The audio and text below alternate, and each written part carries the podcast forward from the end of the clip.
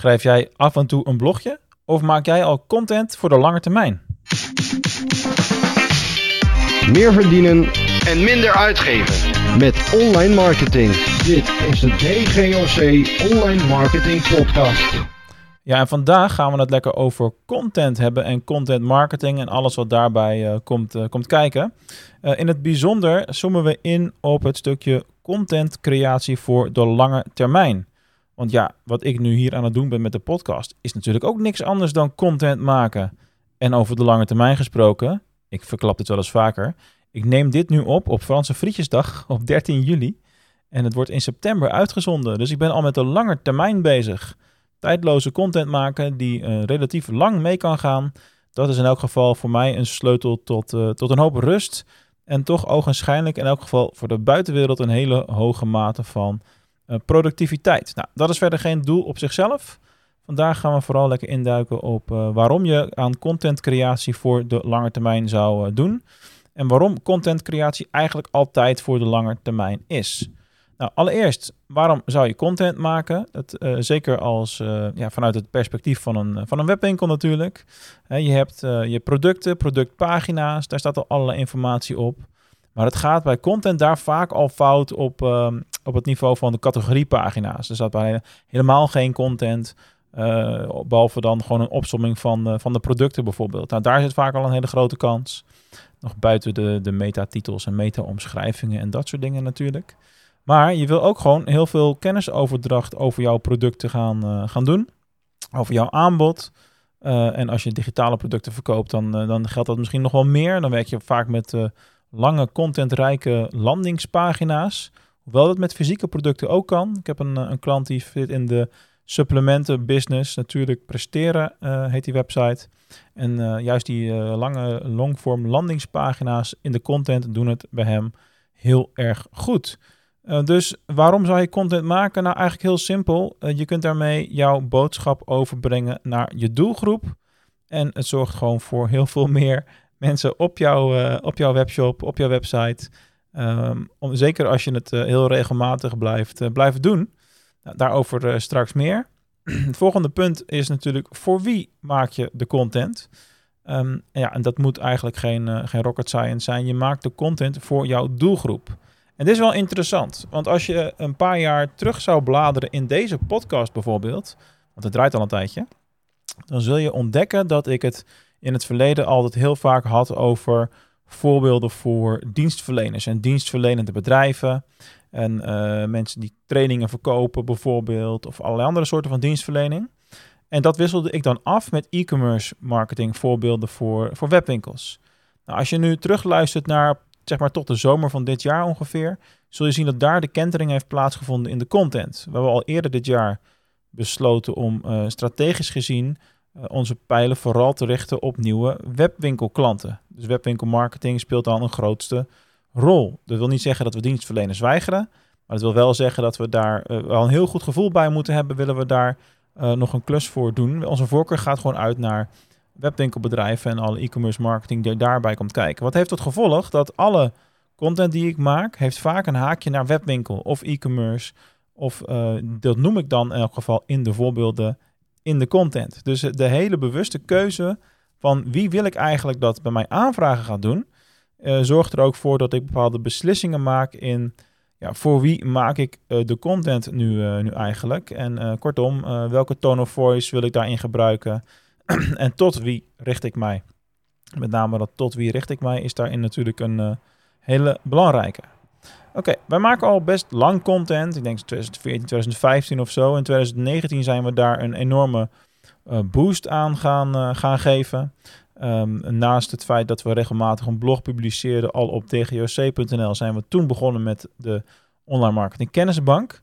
Daar zitten inmiddels tegen de 300 artikelen in. En eh, daar zijn we vooral sinds de tweede helft van 2019 echt gas op gaan geven.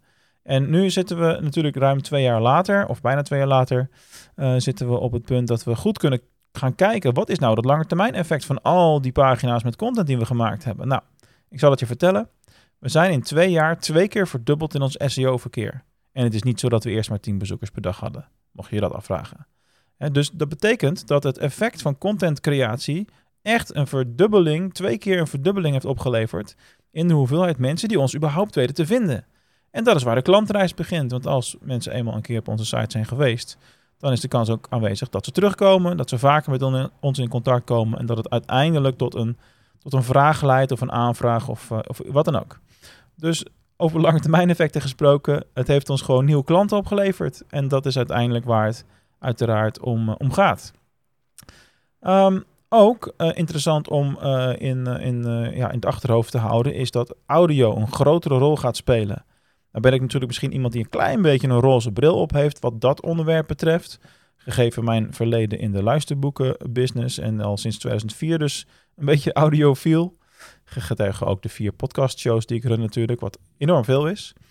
Uh, maar uh, het is al een paar jaar zo dat Google aan het onderzoeken is en aan het testen is en aan het doen is met het doorzoekbaar maken van audio. Dat betekent dat de inhoud van podcasts ook zo snel mogelijk door Google geïndexeerd zal gaan worden.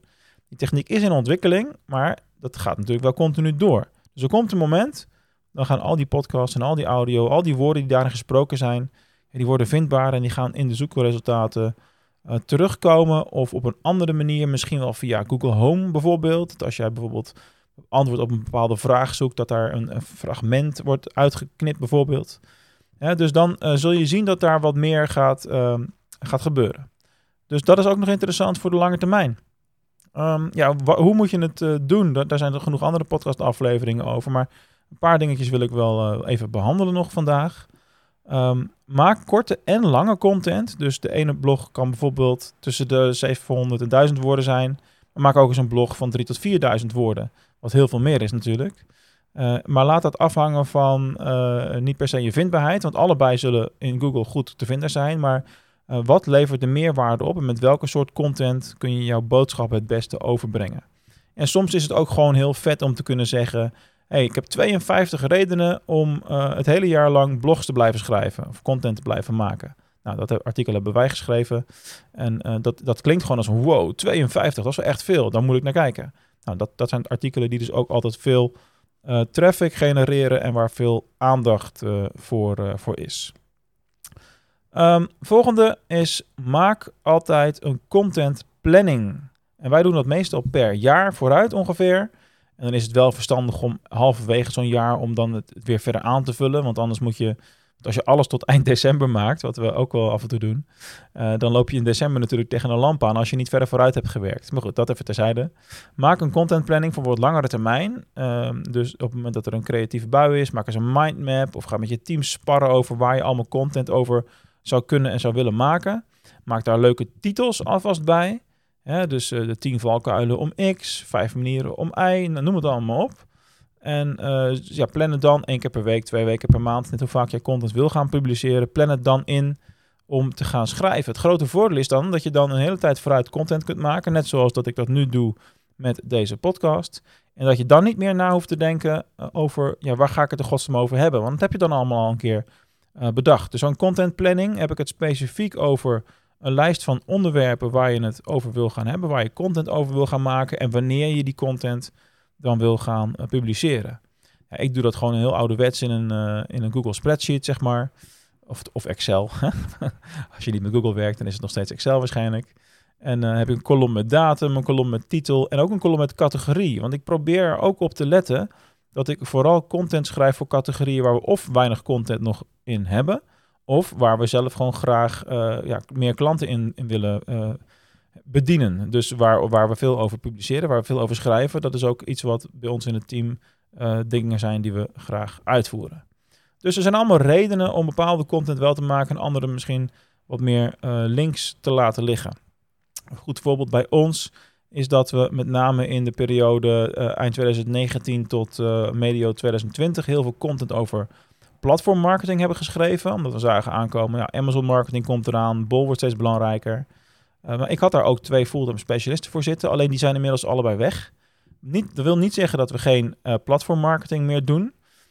Maar dat doe ik dan nu samen met wat externe specialisten die ik dan inhuur op klusbasis. Dus dat is niet erg. Alleen dat betekent wel dat we daar wat minder content over schrijven nu. Want we hebben al, we hebben er echt heel hard op ingezet. We hebben iets van 40 artikelen in die uh, ja, in dat spectrum, zeg maar. Dus dat is erg veel. En dat is ook uh, genoeg zijn lekker vindbaar daarmee. Dus dat betekent dat er nu weer ruimte is voor andere topics om daar meer een zwaartepunt op te leggen. Zoals we dat nu wellicht doen met SEO, SEA en e-mail marketing. Alright, tot slot, als je dit doet, als je gaat voor content creatie op de lange termijn, dan zul je zien dat je uiteindelijk ook het resultaat kunt gaan oogsten. En dat resultaat zie je terug in meer bezoekers, meer herkenning, vaker een uh, spontaan uh, belletje van hey, ik volg je al een tijdje. Uh, vaker aanvragen als je dienstverlening zit, om die toch maar even te pakken. en uiteindelijk binnen je webshop natuurlijk vooral meer bestellingen en een hogere omzet. Dat is waar het om draait. Je wilt de toko over het algemeen laten groeien. Alright, dat is hem voor vandaag. Dus ga aan de slag met je contentcreatie voor de lange termijn. Bedankt voor het luisteren en tot volgende week.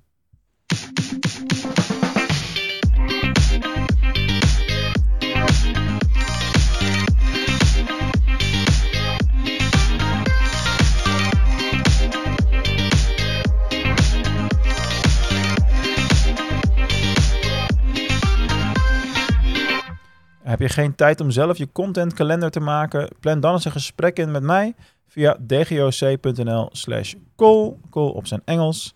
En dan uh, zal ik met jou gaan kijken naar welke opties er zijn om dat uit handen te nemen, zodat jij je kunt gaan bezighouden met de dingen waar je echt blij van wordt.